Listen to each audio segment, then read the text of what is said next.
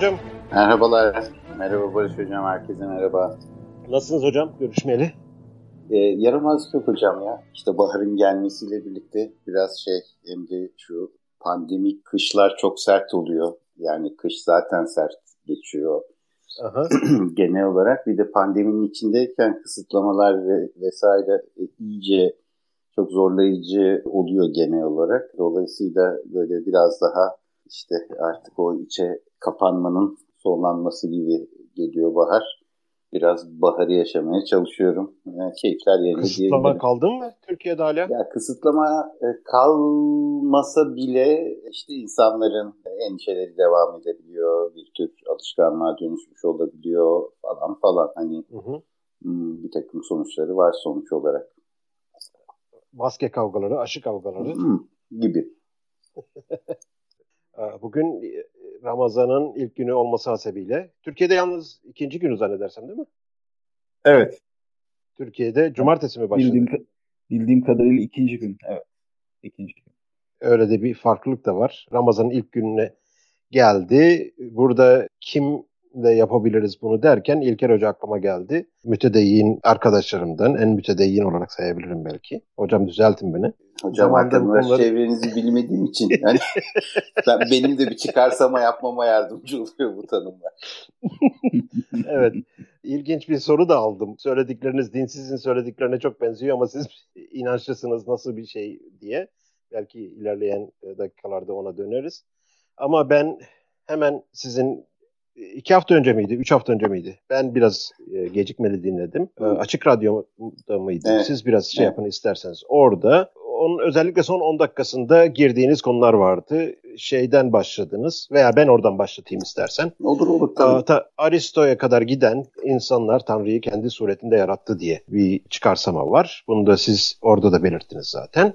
Onun yanında şey de meşhurdur eski ahitte. Orada da Tanrı insanı kendi suretinde yarattı diye bir şey var. Sanki burada bir suret herkes birbirine benzeştiriyor. Sizin de oradan bir psikolojik veya evrimsel mi diyeyim veya evrimsel psikolojik mi diyeyim.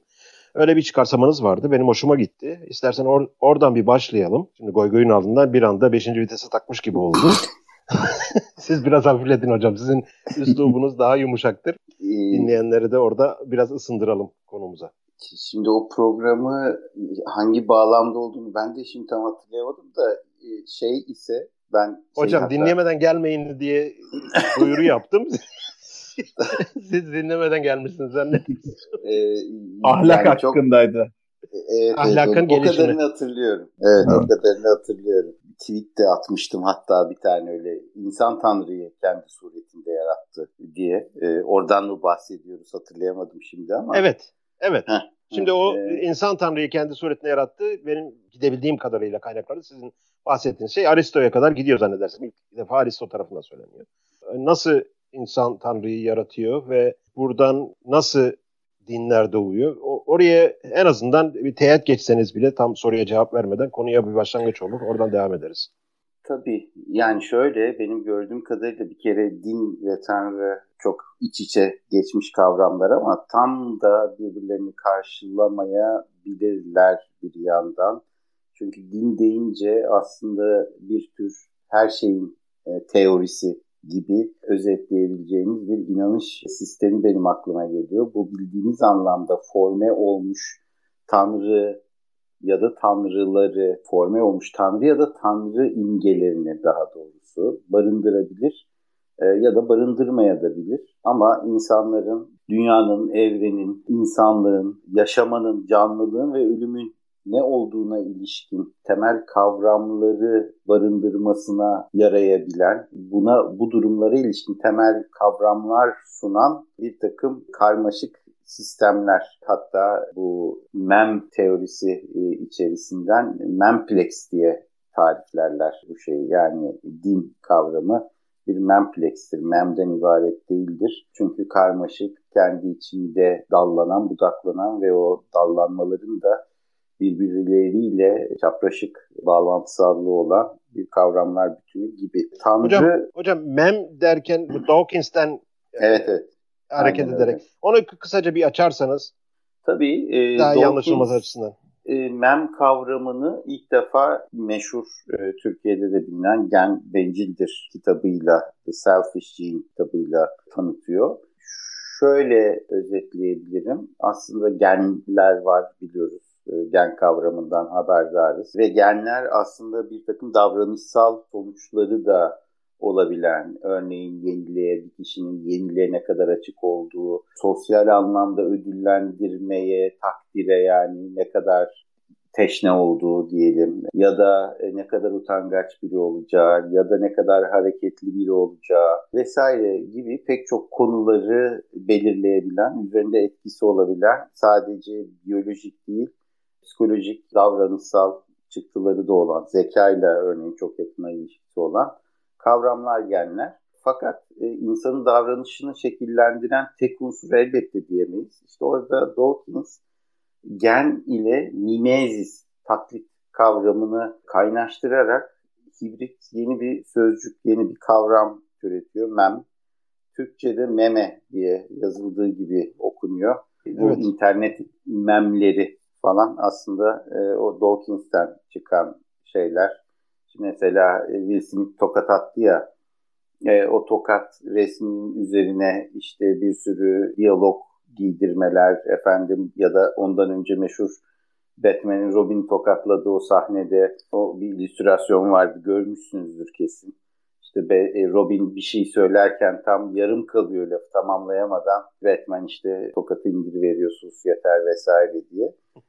Bu mem kavramı şöyle hem farkındaysanız bir taklit barındırıyor. Biri bir şey yapıyor. Sonra o yapılan bir şey üzerine onun bin tane varyasyonu çıkıyor. Dolayısıyla taklit var.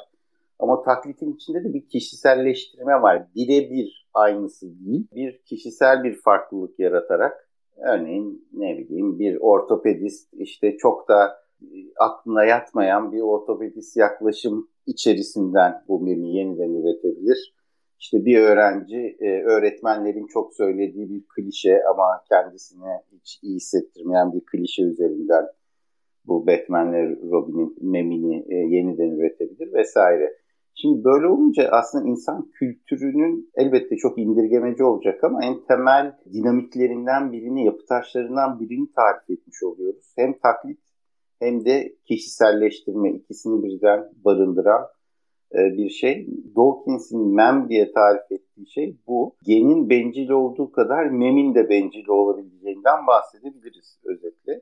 Şöyle bir benzetme yapabilir miyim hocam? Ben arada böyle interrupt etmeyi seviyorum. Biyolojik anlamda genin kendini kopyalamaya hmm. ilişkin bir hani o genin kendi davranış inisiyatifi yok ama sanki öyle varmış gibi şey yapıyoruz. Hı Gen sürekli kendini kopyalamaya Hı hı. İncentivized veya o yönde eğilimdi. Hı hı. MEM de biyolojik olarak değil de kültürel açıdan kendini kopyalamaya tamam evet. yani e, daha o, şey evet, o, açısından. E, teşekkür ederim. Uzun laf kısası gerçekten böyle. Hani söz açılmışken şeyi de söyleyeyim. E, gen bencildir de çok yanlış anlaşılıyor başlığından. Hani genetik insanı bencil olmaya meylettirir gibi gen, genlerimiz bizi bencil varlıklar yapıyor gibi bir anlam çıkarılıyor. Aslında Dawkins'in söylediği bunun tam tersi. E, genler e, öyle mekanizmalar ki, öyle algoritmalar ki kendi replikasyonları onu barındıran bireyin dezavantajına olacak olsa bile o replikasyonu sağlıyorlar. Yani aslında ne bileyim benim işte çocuğum için ya da çocuklarım için kendi ömrümü kısaltacak bir şey yapmam benim için zararlı doğal olarak e, öldürüyor ya da işte ömrümü kısaltıyor, bana zarar veriyor. Ama benim genlerimi taşıyan o çocukların ömrünü uzatıyorsa bu e, gen dolayısıyla kendi yararına ama kendini taşıyan bireyin zararına bir algoritmadır gibi bir atfı var o gen bencildirdi. Ama konumuza dönecek olursak MEM kavramı şöyle, genetik aktarım sırasında elbette bir takım genlerde de modifikasyonlar, işte mutasyonlar sonucu bazıları anlam barındırmayan, bazıları sessiz. Bazı durumlarda bazıları yararlı ama başka bazı durumlarda da e, aynı mutasyon yararlı ya da zararlı olabilir. Durumun kendisine göre değişecektir. Örneğin yağ depolamaya yarayan bir mutasyon e, metabolizmada bir kıtlık dönemi varsa bu birey için adaptif bir özellik olabilir. Ama kıtlık bir dönemi yok ve tersine obezite gibi yaygın bir halk sağlığı sorununun olduğu bir dönemde ise yağ depolamaya yarayan bir gen ya da bir gendeki o yöndeki bir mutasyon aslında bu kişinin çok ciddi biçimde zararına olacaktır. Dolayısıyla bu yararlı cemiyetler, zararlı cemiyetler gibi yararlı mutasyon, zararlı mutasyon da diyemiyoruz. Hangi durumda ne için, e, ne pahasına ne oluyor gibi oradaki trade-off ne ve o bağlam içerisinde bu trade-off yararlı mı zararlı mı gibi öngörmesi kolay olmayan bir takım faktörler var. Ama meme dönecek olursak genetik üzerinden gerçekleşen evrime göre aslında son derece hızlı. Yani bir kuşak içerisinde baş döndürücü bir hızla gerçekleşebilen bir takım mutasyonlar görüyoruz. Bu kültürleri, alt kültürleri ve diğer pek çok şeyi, sanatı, modayı, diğer pek çok şeyi de etkiliyor. Ee, ama bu hem tekrar edilir olması ama tekrar edilirken de aynı hızda kişiselleştiriliyor olması unsuru genetik dediğim gibi evrime göre karşılaştırılmayacak ölçüde son derece hızlı geliştiği için aslında daha tırnak içerisinde çevik, esnek ve e, o yüzden de daha dinamik bir unsur olduğundan bahsedebiliriz. Şimdi hocam Hı. konuyu biraz da Ramazan kapsamına getirmek gerekirse ben oradan bu gen, mem kavramından biraz bu ilk başta söylediğimiz, bahsettiğiniz insan Tanrı'yı kendi suretinde yarattı şeyine geri dönmek istiyorum. Onu önemli buluyorum ben. Çünkü Tanrı dediğimiz kavram veya bu kavrama işaret eden objeler, nesneler veya adlandırma hemen hemen insanlık tarihi kadar eski. Ama şöyle bir geçiş var. Özellikle işte bu mitolojik şeyleri okuduğumuz zaman farklı bir tanrı profiliyle karşı karşıyayız. Biz bu işte meşhur e, Olimpos tanrılarına şey yaparsan bunlar garip garip yaratıklar. Hani insanüstü yaratıklar ama bunların öyle her şeyi bilen, her şeye gücü yeten veya yani bugünkü modern dinlerin anladığı anlamda bir tanrı şeyi yok. Bunlar da böyle azap edebiliyorlar. Kızdığı zaman şey yapabiliyorlar ama bunlar böyle hani günaha karşı falan kızmıyorlar. Ne bileyim işte birisi bir tanesi vardı hangisiydi o? Gürültü yapıyorsunuz diye insanlar gürültü yapıyorsunuz diye onlara şey yapıyor. Uyuyamıyorum diye vesaire. Bu tarz böyle garip garip huyları olan bir tanrı kavramından her şeyi bilen, her şeye gücü yeten, her şey yani buraya e, biraz da modern dinler, biraz monoteizmin de etkisiyle bu evrim, bu mem kapsamında nasıl gelişiyor? Yani insanlar Olimpos Dağı'nın tepesindeki bu garip davranışlı ölümsüzlerden bir anda insanların iyiliğini isteyip onlara elçiler gönderen ve onlara kitaplar gönderen, onları bir şekilde dünyada kendinin halifesi olarak ortaya çıkartan veya İsa'nın çocukları kavramı da buna benzer bir şey. Buradan buraya bir geçişte bu nasıl oluyor?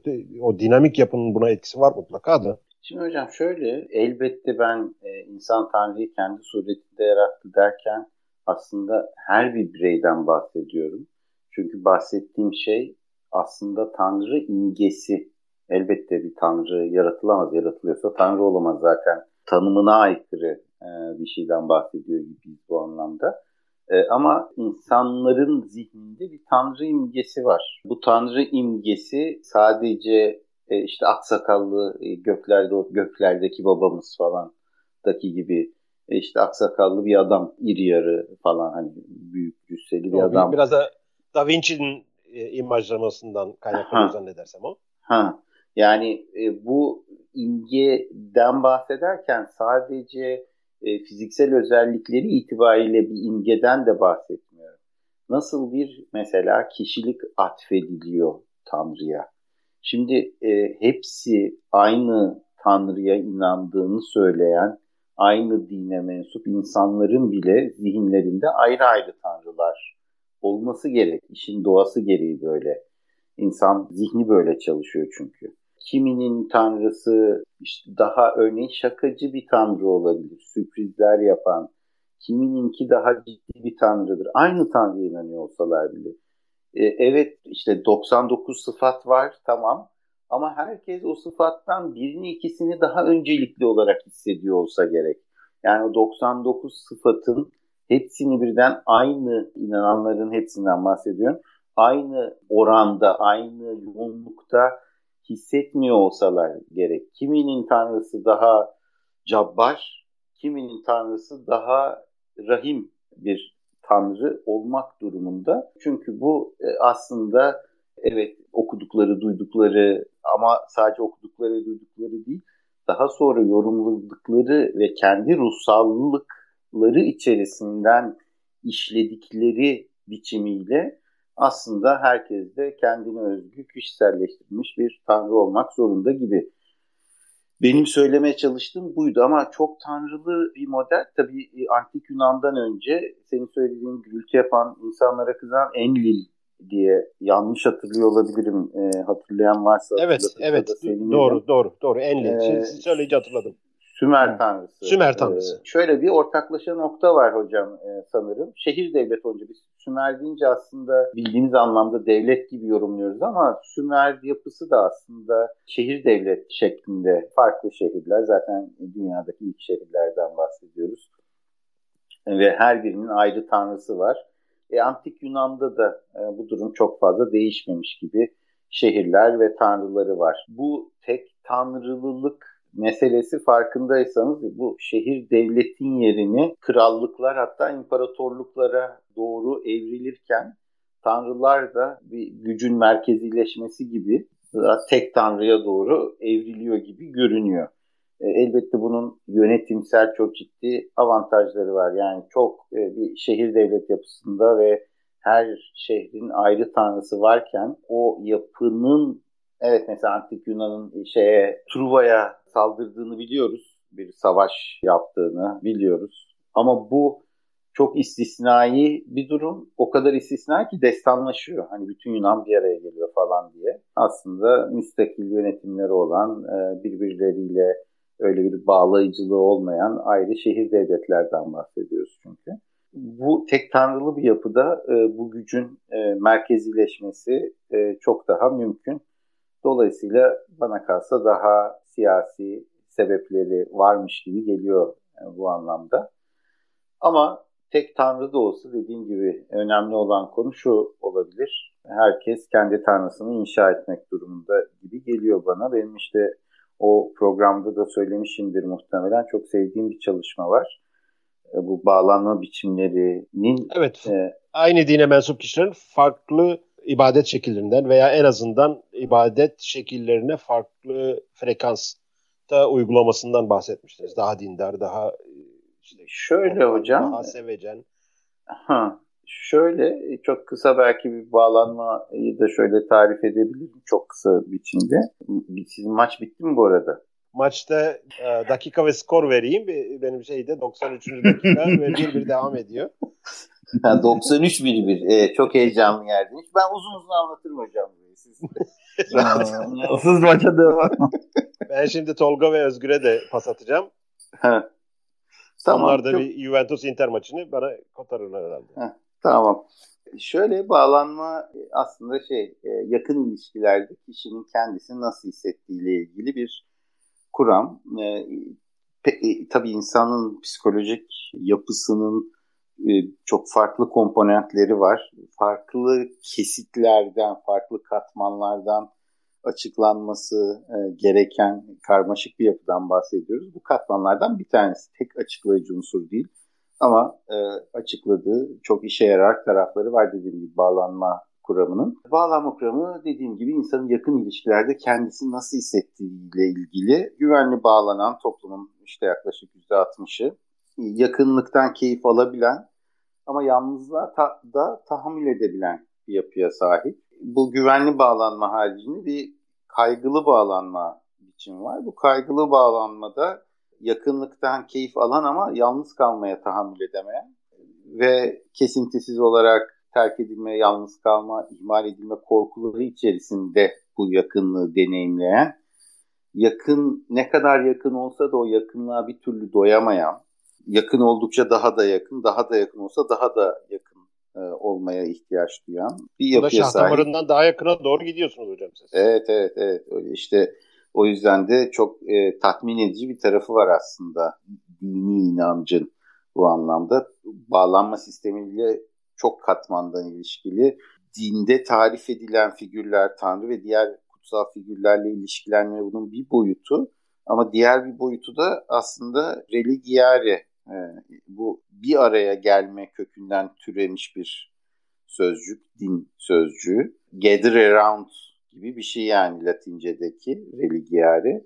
E, işte cami, cem de e, malum bir araya gelme, toplanma, cemaat, cuma. E, cuma. Yani bunların hepsi toplanma, bir araya gelme kavramı etrafında. Dolayısıyla o kendisine benzeyen, kendisi gibi olan insanlarla kuşatılmış bir durumda olma hali kaygılı bağlanmaya e, zaten çok iyi gelebilir ama genel olarak bağlanma açısından kuvvetli unsurlarından bir tanesi dini inanışın diyebilirim. Bir de kaçıngan bağlanma modeli var. Kaçıngan bağlanma da yakınlıktan sıkıntı duyuyor, afakan basıyor. Yalnız kalırsa da görece daha rahat ediyor diyebilirim çok kaba taslak. Şimdi kaçıngan bağlananların zaten inançsız olma olasılığı daha fazla. Fazla böyle iç içe olmak beni rahatsız ediyor diyorken e, şah damarından daha yakınım deyince e, bir sıkıntı basıyor muhtemelen gibi özetleyebilirim çok kısaca. Burada Tolga ile Özgür'e şey yapacağım. Onların burada bir dahli olup şey yapacaklar mı? Konuya girecekler mi? En azından soru şeyinde veya tartışma şeyinde. Eğer yoksa ben bunu biraz daha uzatıp hem dinler tarihini hem de insanların psikolojik gereksinimlerini ile fiziksel gereksinimleri arasındaki bu ilişkiye biraz daha şey yapacağım ama önce Tolga ve Özgür'ü de çok kenarda bıraktık. Biz domine ettik. Biraz onlara da bir şey yapayım. Yani bu insanı insanın Tanrı'yı kendi suretinde yarattı deyince galiba bu Hristiyan ya da yeni Platoncu bir yaklaşım. Kaçınılmaz. İçeride olan benliğinde bulunabilecek tasvirleşme de galiba burada söz konusu. İşte baktığımızda Humboldt galiba böyle bir noktada tanımlama yapıyor ya da Herder de yapabiliyor. Aslında teoloji içerisinde galiba tanımlamada bir karmaşa var. Yani bu kavram hani potansiyel olarak iç ve dış yaşamın tabii tek insanların oluşturduğu topluluğun tamamında karar verme durumu olarak anlatılabilecek. Yani aslında yine siyasi bir yapıyla ilerlediğini görüyorum. Bu konuda bunu söylemek isterim. Belki e, sizin bu din, dinler tarihinden falan sonra belki buna girebiliriz. Yani şu ana kadar dinlediklerim beni güncel bazı siyasi ya da felsefi akımları direkt canlandırmaya başladı şeyde e, gözümde. Yani biliyorsunuz biz artık post-religion dinlerin olmadığı bir tarihte yaşıyoruz. Gelişmiş dünya ya da üniversite mezunu vesaire insanlar için ama sanki bu tarihsel kökende psikolojik, psikiyatrik sebepler dinleri yaratan ya da bu dinlerin karşıladığı ihtiyaçları sanki bugün farklı ideolojiler, farklı kimlikler karşılıyormuş gibi bir noktaya geleceğiz ama belki de bu tarihsel süreçten sonra bugünlere gelebiliriz. Gol oldu galiba. Hoca kayboldu. Evet, ters. Muhtemelen düştü. Tamam ben e, şöyle Yok benim aslında... bağlantımda bir şey oldu. En son ben Özgür tamamladı mı diye bir şey yapıyordum. Sesim ha, geliyor mu? E, geliyor geliyor. tabii tabii geliyor. Şimdi insanın genel olarak hem psikolojik hem biyolojik varlığını incelediğimizde ortak şeyler var ki human nature diyoruz. Bu değişmiyor. Yani 5000 sene önce de var, bugün de var. Toplumdan topluma değişmiyor. Her insanda var olan bazı şeyler. Değişen katmanları da var. Her insan farklı davranıyor. Her insan farklı respons veriyor aynı e, koşullara. Burada iki özellik var. Özellikle dini burada insanın dünyasına getiren. Bir tanesi insan kendini aciz hissediyor ve bir şekilde bir korunma, bir sığınma ihtiyacı hissediyor. İkincisi de curiosity dediğimiz insanın bir merakı var. Çevresinde olan bitenler ya bu yağmur yağdı, neden yağdı? Bu tamamen ekonomik nedenlerle olabilir. Yağmur yağarsa benim hasatım daha fazla olacak. O nedenle bir araştırayım bu yağmur el çırparsam mı daha fazla yağıyor yoksa yoksa ağaca bir çaput bağlarsam mı daha fazla yağıyor. Bu tarz bir curiosity de var. Burada hem insanın kendini güçsüz hissetmesi hem de insanın bir yandan da dışarıdaki dış dünyadaki olan değişimleri açıklama ihtiyacı veya açlığı diyeyim, o curiosity, merakı insanı çeşitli sorulara yönlendiriyor ki işte felsefede bu işte biz neyiz, nereden geliyoruz, nereye gidiyoruz, ne nasıl olur işte yani hatta ekonomi ev, yani ev yönetimi de oradan antik Yunan'da ilk başta insanlar bunları sorgulayarak başlamış. Şu şekilde din iki ihtiyacı cevap vermiş ilk başlarda zannedersem. Bir, bu dış dünyadaki olan o merak konusuna bunu hani hemen giderebilecek hap usulü cevaplar vermiş. İşte Tanrı yarattı, Tanrı böyle yapıyor eğer ona dua edersen daha fazla yağmur yağacak şeklinde. Bunun e, ara katmanlarını da detaylandırıyor bazı yerlerde. İşte eski ahitin ilk cenesisi, e, kainatın yaratılması vesaire. Bu Kur'an'da da var. O cevap kısmı var. İkincisi de bu doğruya ulaşma isteğini satisfy etmese bile bir social bond yaratıyor. Zannedersen bu da insanın o korunma ihtiyacına cevap veren, özellikle dinin şekillenmesinde tarih boyunca bir önemli bir faktör haline geliyor. Ee, şimdi özellikle e, Aquinas, Aquinas ne zaman? 11. yüzyıl mı? Tam tarihi şu anda şey yapamadım. Biraz daha rasyonel veya biraz daha modern bilimsel metodolojinin gündeme gelmesiyle o curiosity kısmı artık dinin tekelinden çıkıyor ve dinin verdiği cevaplar sadece bir social bond veya sosyal birliktelik veya en azından insanın o korunma ihtiyacı güçsüz hissettiğinde çevresinde aynı şeye inanmış kişiler tarafından en azından beslenme yani en azından support edilme, destek görme ihtiyacı şeklinde devam ediyor. Burada şeyi ben anlamlı buluyorum. Bir meslek olarak pe peygamberlik müessesesinin özellikle rasyonel düşüncenin ki Aquinas orada önemli bir figürdür. Ondan sonra tamamen devreden çıktığını görüyoruz. Şeyden beri bir peygamber yok artık günümüzde çıkmıyor. Çıkana da herhalde çok akıllı, mantıklı bir insan gözüyle bakılmıyor zannedersem. Yani aslına bakarsan bir noktada din tarihini de bu şekilde yorumlayabiliyorlar. Veya din tarihinde örneğin direkt özel, özele indiğimizde Hazreti İsa figürünü psikiyatristlerin de kendine göre bir tanımlaması var. Yani biliyorsunuz hani İsa yaşadı mı yaşamadı mı tarzındaki tartışmalarda da aslında psikiyatristlerin de bildiğim kadarıyla bir yorumu var. İşte genelde Levi Varşova ekolünden birkaç kişiyi bunu biliyoruz. İşte İsa'nın iletişimiyle alakalı veya o korkularla alakalı yani korkuyla birlikte inşa edilen bir inanç sistemi ve aynı zamanda kadim pagan inançlarıyla, kadim pagan korkularıyla daha sistemli, daha kuramsal şekilde inşa edilen bir din. Burada aslında görebileceğimiz unsurlardan biri. Belki de İlker Bey bu konuda bize biraz daha bir açıklama yapabilir böyle bir durumda. Yani İsa'nın gerçekte yaşayıp yaşamadığına ilişkin tartışmalar olduğunu biliyorum elbette ama psikiyatristlerin e, spesifik olarak olduğunu duymamıştım. Ama şaşırtıcı değil tabii hocam. Şimdi bizim olmadığımız bir masa yok farkındaysanız. Yani herhangi bir yani masaya bir e, vazo koyun, psikiyatristler onu tartışır. E, vazo niye var, nedir, ne değildir, senin için vazo ne demek, benim için ne demek falan. Orada da bir şey olmuştur ama e, özel olarak hani e, duymadığım için e, o yüzden çok katılamadım e, o e, şeye e, sizde. Peki bunu biraz daha ben evrimsel alana çevireyim. Ee, hani siz biraz önce şeyden bahsettiniz. Toplulukların önce bir şehir devletine evrilmesi, şehir devletinden sonra daha büyük işte imparatorluk daha böyle central, e, merkezi bir yapıda monoteizm daha uygun düşüyor şeklinde bir paralellik çizdiniz. E, evet hocam.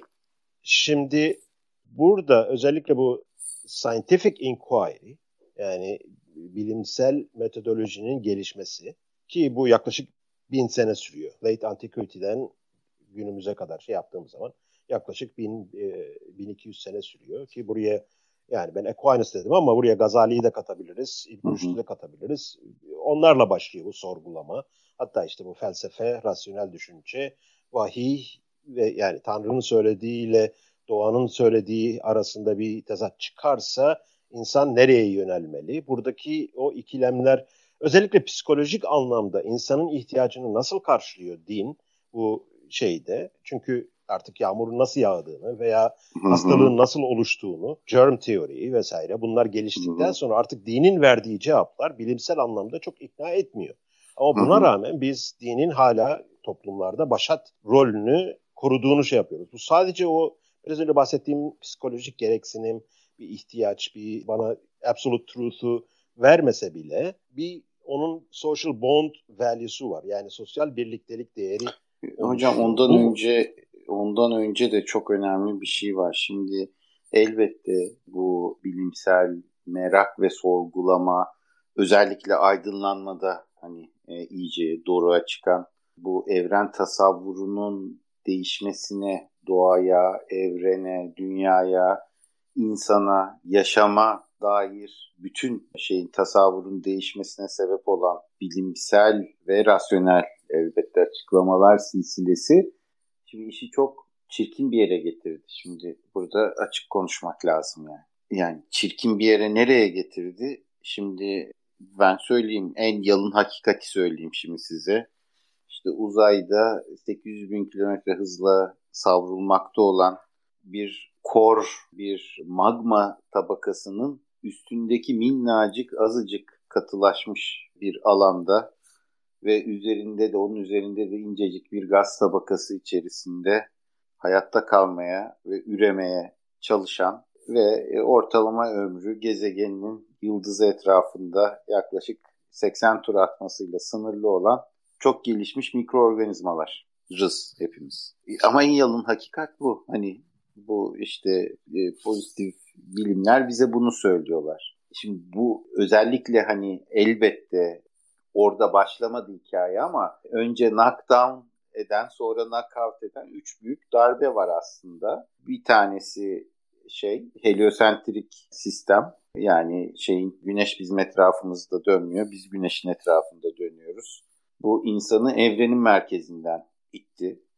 Kıyıda köşede bir galaksideki bir tane aslında öyle küçük çaplı bir yıldızın etrafında dönen gezegenlerden birinin üstündeyiz gibi bir şey var. Hakikat var ortada.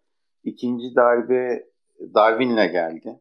Yani diğer canlılardan mutlak bir şekilde ayrışan Tanrı'nın dünyayı ve diğer canlıları onun için yaratmış olduğu o eşrefi mahlukat, o diğer canlılardan ayrışık olduğu tartışma götürmeyen o insan homo sapiens sapiens oldu. Diğer primatlarla yakın derecede akraba oldu ortaya çıktı ve bir şey daha çökmüş oldu. En sonunda psikanalizle birlikte aslında işte o eşrefi mahlukat kısmı boşa düşmüş oldu. Ne şereflisi e, Freud'un söylediği şey şerefsizin bayrakla koşanı bu insan dediğin varlık. Aslında içinde çok çirkin, e, ağza bile alınmayacak maazallah falan çok çirkin arzular barındıran en iyisi bile aslında içten içe canavar ve sapık olan falan e, varlıklardır gibi bir e, şeye denk geldi. Elbette Freud bunu böyle söylemiyor da insanların Freud'dan duydukları, anladıkları bu. Farkındaysanız bunlar her dönemde çok büyük dirençle, protestoyla karşılaşılan, öfke uyandıran, yani hiddetlenmesine neden olan insanların kuramlar oldu. Ama bu üç darbenin sonunda az önce tarif ettiğim tablo ortaya çıktı. Bu şimdi tahammül edilebilecek bir çile değil. Yani şimdi burada anlamı nereden kuracağız? Dinin sunduğu tek şey açıklama değil. Din çok derin ve çok katmanlı bir anlam silsilesi de soruyor, sunuyor. Dünyada niye varsın? Dünyada olmayınca ne olacaksın? Sen dünyadasın ve dünyada bu diğer şeyler niye var? Çünkü Tanrı'nın bir planı var. İşte Tanrı e, gizemli yollarla işini görür. İlk başta anlayamazsın. İşte hikmetinden sual olunmaz vesaire. Ya da yok benim çocuğumun kanser olmasının hiçbir şey yok. Açıklanır bir tarafı yok. Başıma böyle bir şey geldi ve ben bununla şimdi nasıl baş edeceğim? Gibi aslında insanı çok zorlayan bir durum ortaya çıktı. Şimdi e, dinler kayboldu yani pratik anlamda diyebiliriz giderek Siz artıyor. Kayboldu demeden Hı. bu din ve bilim ki onu ayırt, ayırt etmeye çalıştım. Late Antiquity ve Hı. modern dünya arasındaki o aydınlanmayı da içine alan Hı. bilimsel sorgulama şeyinde. Bugünkü geldiğimiz noktada bilimi din gibi almak veya algılamak veya bu şekilde impoz etmek, dini de bilim gibi sorgulamak gibi böyle bir ikircikli, problemli bir şeye oturdu zannedersem özellikle buradaki metodolojik veya felsefi tartışmalar. Dinin her şeyini bak bu altı günde yarattı diyor, bu ispatlandı. 6 günde yaratmış olması mümkün değil vesaire gibi.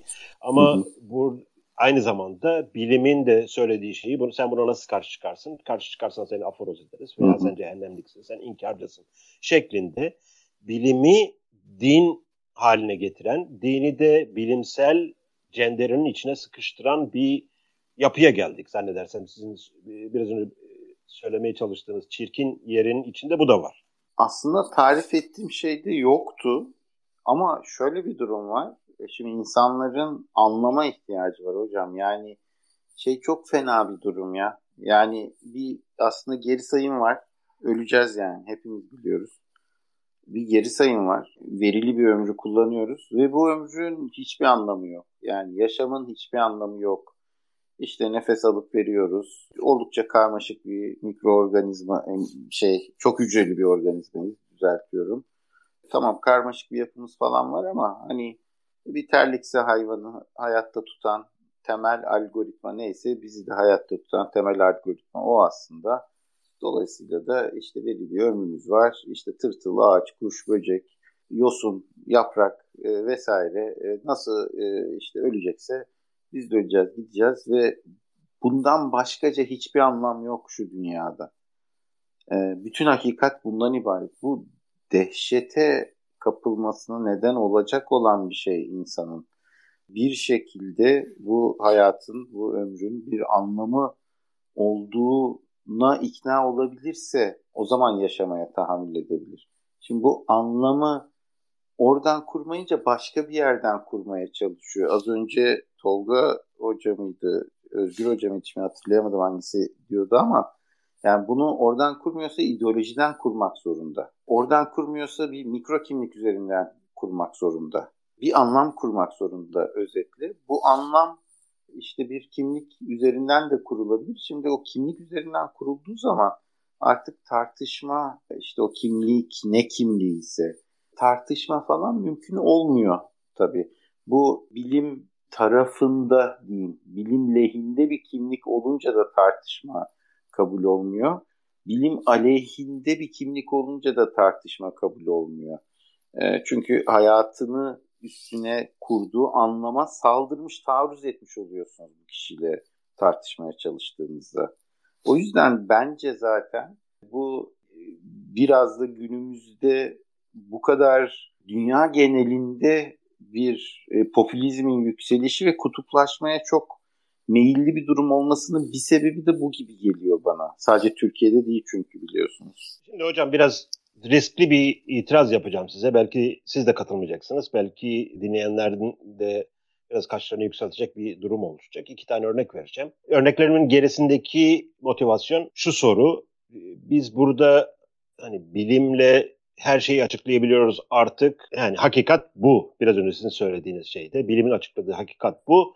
Bunu da inanmıyorsan sen gerizekalısın, sen inkarcısın vesaire gibi yere gidip insanı tamamen bir psikolojik veya psikososyal anlamda bir nihilizme şey yapan, bundan farklı bir şeyin yok, bir Hı-hı. anlam aramaya çalışma gibisinden Hı-hı. bir yere şey yapıyor. Burada haksızlık yapmıyor muyuz? Zu dile getireceğim. Onu da iki örnek üzerinden şey yapacağım. Şimdi bilimin kesinliğine biz güveniyoruz, şey yapıyoruz. Ama çok basit olduğu için bu örnek belki bilimsel anlamda getirilen açıklamanın aslında o kadar görüldüğü kadar basit olmadığını göstermesi açısından önemli. Ee, şimdi şeyi biliyoruz bu renk çemberini. Neydi Hı-hı. ana renkler? Sarı, mavi, kırmızı. kırmızı. Bütün renklerde bu üçünün farklı oranlardaki bileşimden oluşuyor. Burada bir circular yani çembersel bir dönüşüm var renkler arasında gibi bir şey sunuyor bize. Özet sunuyor. Haksız mıyım bu şey basit evet evet, ha, evet tayf, şimdi, renk tayfı denen şey. İkinci bir şey de biz gökkuşağını biliyoruz. Hı hı. Gökkuşağı da violet'tan kırmızıya giden farklı şeylerde. Bütün renkler bunun kombinasyonu ama gökkuşağı bize lineer bir framework sunuyor. Hı. Renk çemberi bize dönüşümlü yani çembersel, dairesel bir şey sunuyor. Ve bunun hangisi doğru diye sorduğunuz zaman yani ikisinin birden doğru olması mümkün değil eğer bilimsel kesinlik varsa. Ama ikisinin birden doğru olduğunu biz bugün biliyoruz ki çoğu şeyde e, yani ekran filtrelerinde şurada burada biz çembersel şeyi kullanıyoruz. Gökkuşağı da doğal bir şey. Gökkuşağını inkar etmek de mümkün değil. Şimdi ikinci örneği vereceğim ama 5 dakika izni isteyeceğim. İsterseniz bunun üzerinden devam edin. Bir ayrılmam gerekiyor 5 dakika. Tamam. Tabii ki. İkinci örnek neydi acaba tabii diye düşünüyoruz bu arada. Ben ee, e, isterseniz şöyle bir soruyla devam edeyim sizin İlker Hocam. Bir ifade kullandınız da az evvel. İnsanın bir anlam kurmasından bahsettiniz. Hı hı. Korkunç bir olduğundan. İşin en temeline döndüğümüzde sadece korkuyla mı bu ihtiyacı açıklayabiliriz acaba? insanların dini kurmasında. Yok korkuyla anlam kurmaya ihtiyacı var gibi değildi o şey. Tam tersi kuramadığı senaryo yani bir anlam barındırmayan bir hayatı yaşama zorunluluğu korkunç geliyor insana. Korkunç bir durum. Hani korku değil de oradaki tahammül edilemez bir eziyet gibi söylemeye çalıştığım şey oydu aslında. Din korktuğu için insanlar inanıyorlar demek çok zor. Aslında belki o şeye dönebiliriz buradaki ilk e, bağlanmanın inanışı nasıl etkilediği konusunda aslında güvenli bağlananların örneğin dua ettiklerinde kaçıngan bağlananlar pek dua etmiyorlar, pek inanmıyorlar zaten.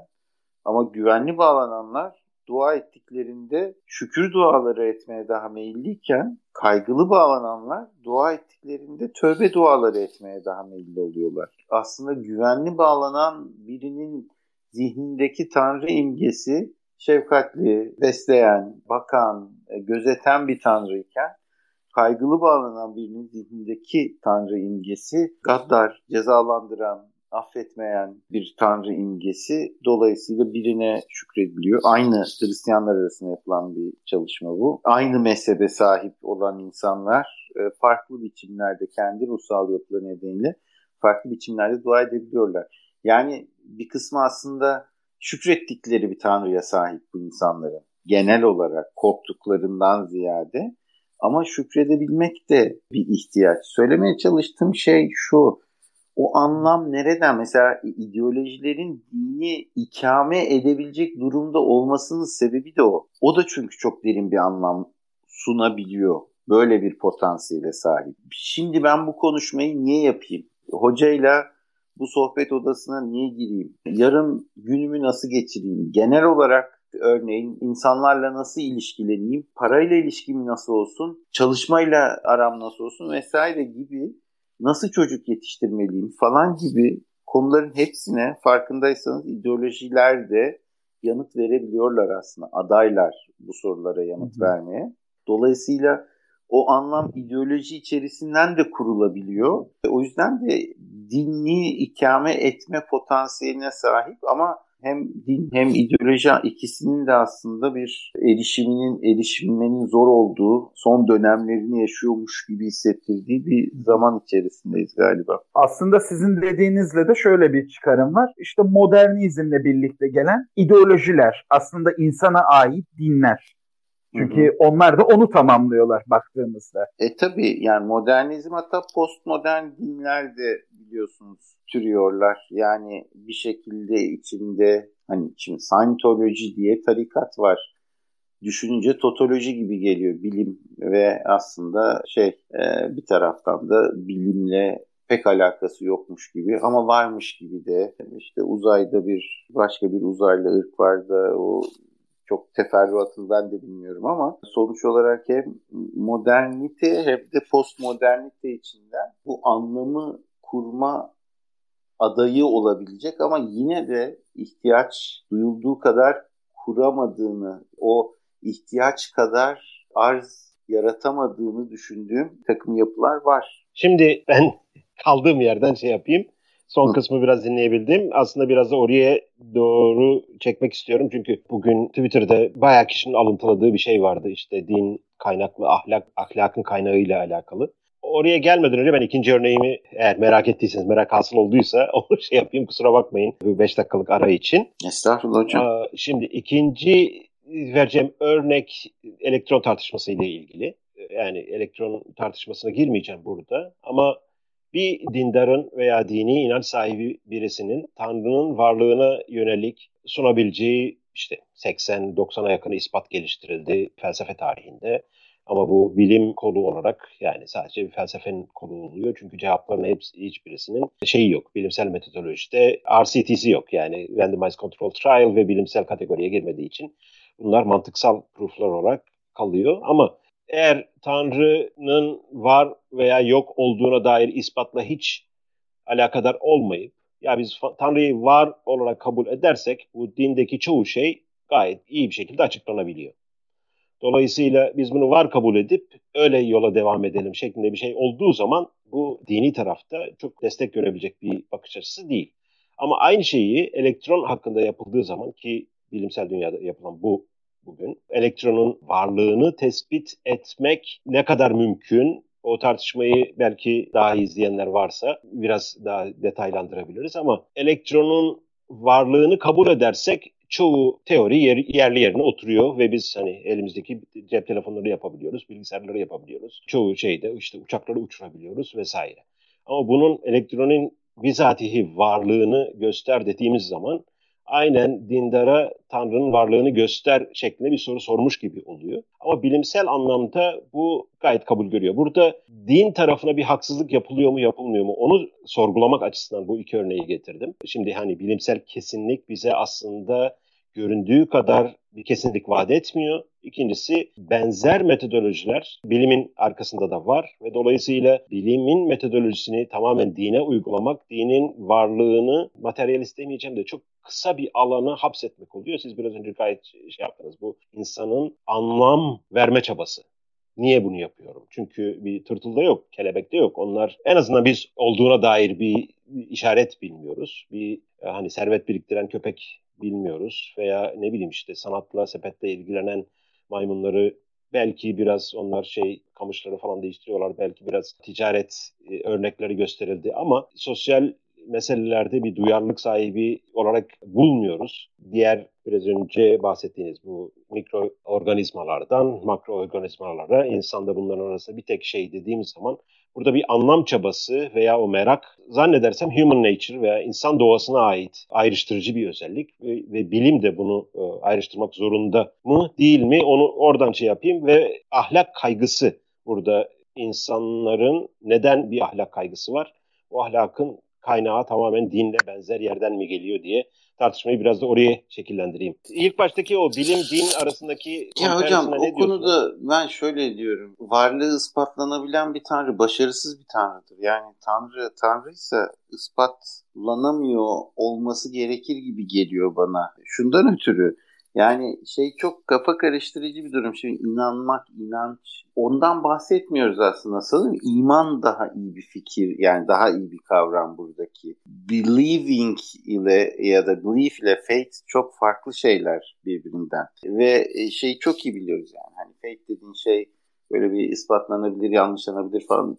Bununla ilgili değil durum. Ve dediğim gibi yani Tanrı dünyayı, e, evreni, dünyayı, insanı var etmiş. Tanrı kendini varlığı ispatlanmıyorken varlığına iman etmiş olan varlıklara ihtiyacı var ve o varlıklar yine de onun varlığını ya da yokluğunu ispatlayabiliyorlarsa o başarısız bir tanrı gibi geliyor bana.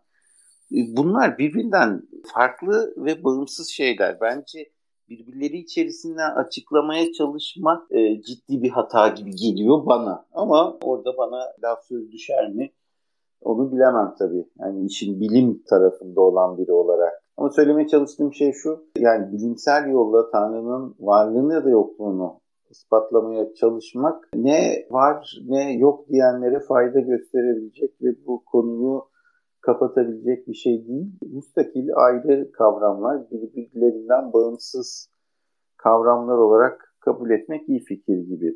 Ahlak konusuna gelecek olursak din nasıl yerleşiyor? Yani bireyde din nasıl oluşuyor? Şimdi şöyle bir hakikat var. Adını koymak lazım. E, kendi ebeveynleri haricinde bir dine sahip olan kişilerin oranı ebeveynlerin dinine sahip olan kişilerin oranına göre karşılaştırılmayacak düzeyde düşük sanırım. Evet ebeveynleri bir dine mensupken inançsız e, olan insanlar var ama bir dine inanıyorlarsa çok büyük oranda ebeveynlerin dini oluyor. Nasıl işte Tanrı'ya inanıyor? Bu şekilde oluyor aslında. Çok erken yaşta endoktrinize edildiği için inanıyor. Burada bir şey şey yapayım kusura bakmayın keseceğim hocam. Burada bir şey şey yapayım. Bu ebeveyn ve çocuklar arasındaki dini inanç meselesinde dini inançları yani geleneksel olarak anne babadan aldığı dini inançları inkar edip ben işte ateistim diye ortaya çıksa bile hı hı. aslında getirdiği bütün yeni inanış şekli bir önceki inanışın ateizmi oluyor. Yani Hristiyan ateistler daha fazla işte Katolik ateist diyoruz veya Protestan ateist diyoruz veya Sünni ateist diyoruz. Bunların e, çok farklı çeşitleri var. Ben Türkiye'de de ateist tanıdım, Amerika'da da tanıdım, Avrupa'da da tanıdım ve ciddi bir şekilde ebeveynlerinin veya bulunduğu veya çocukluğunda gördüğü dini ritüellerin veya inançların etkisiyle bütün tezlerini ona karşı geliştirmiş. Farklı ateizm kolları var. Bilmiyorum katılır mısınız bu şeyde? Hocam şöyle yani hani o çok yani birbirine yakın ama farklı kavramlar da var ya agnostizm diye de bir kavram var bir taraftan.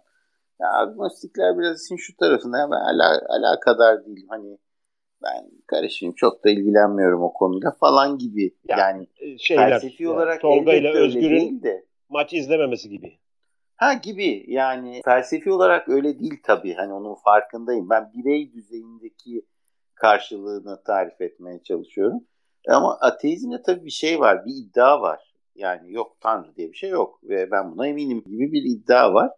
Ee, bir taraftan bu tabii ki bir karşıt kimlik olarak kurulmuş ol birey düzeyinde. Yine felsefi olanından bahsetmiyorum.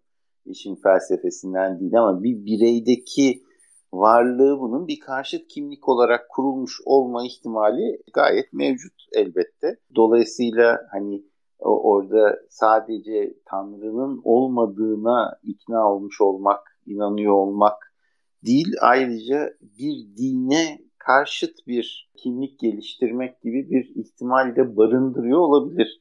Elbette e, siz bana göre e, dünyayı daha çok gezdiniz. O orada e, deneyiminiz çok daha fazladır bir yandan da. Ama ben bunu ihtimal dahilinde buluyorum elbette. Bir şey istiyorum aslında. E, bu ateizmler benim biraz ilgilendiğim bir konu. Yani hakikaten şey var. Dinsiz, diyanetsiz Avrupalı ile dinsiz, diyanetsiz Türk'ün arasında da bir kültürel fark var ama şöyle bir mesele var orada şunu not etmek gerekiyor. İşte e, bu dünyanın bu tarafında çalışan Müslüman ülkelerde çalışan Hristiyan bazı e, misyonerlerden dinlemiştim. Ben mesela onlar da şey anlatır.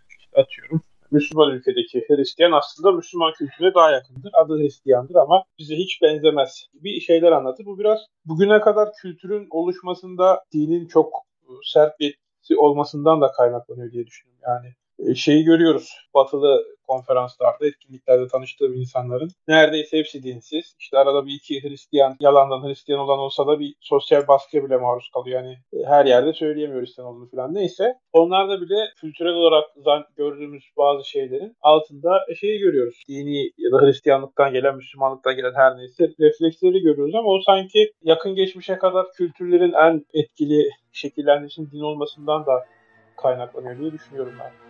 Yani tabii orada çok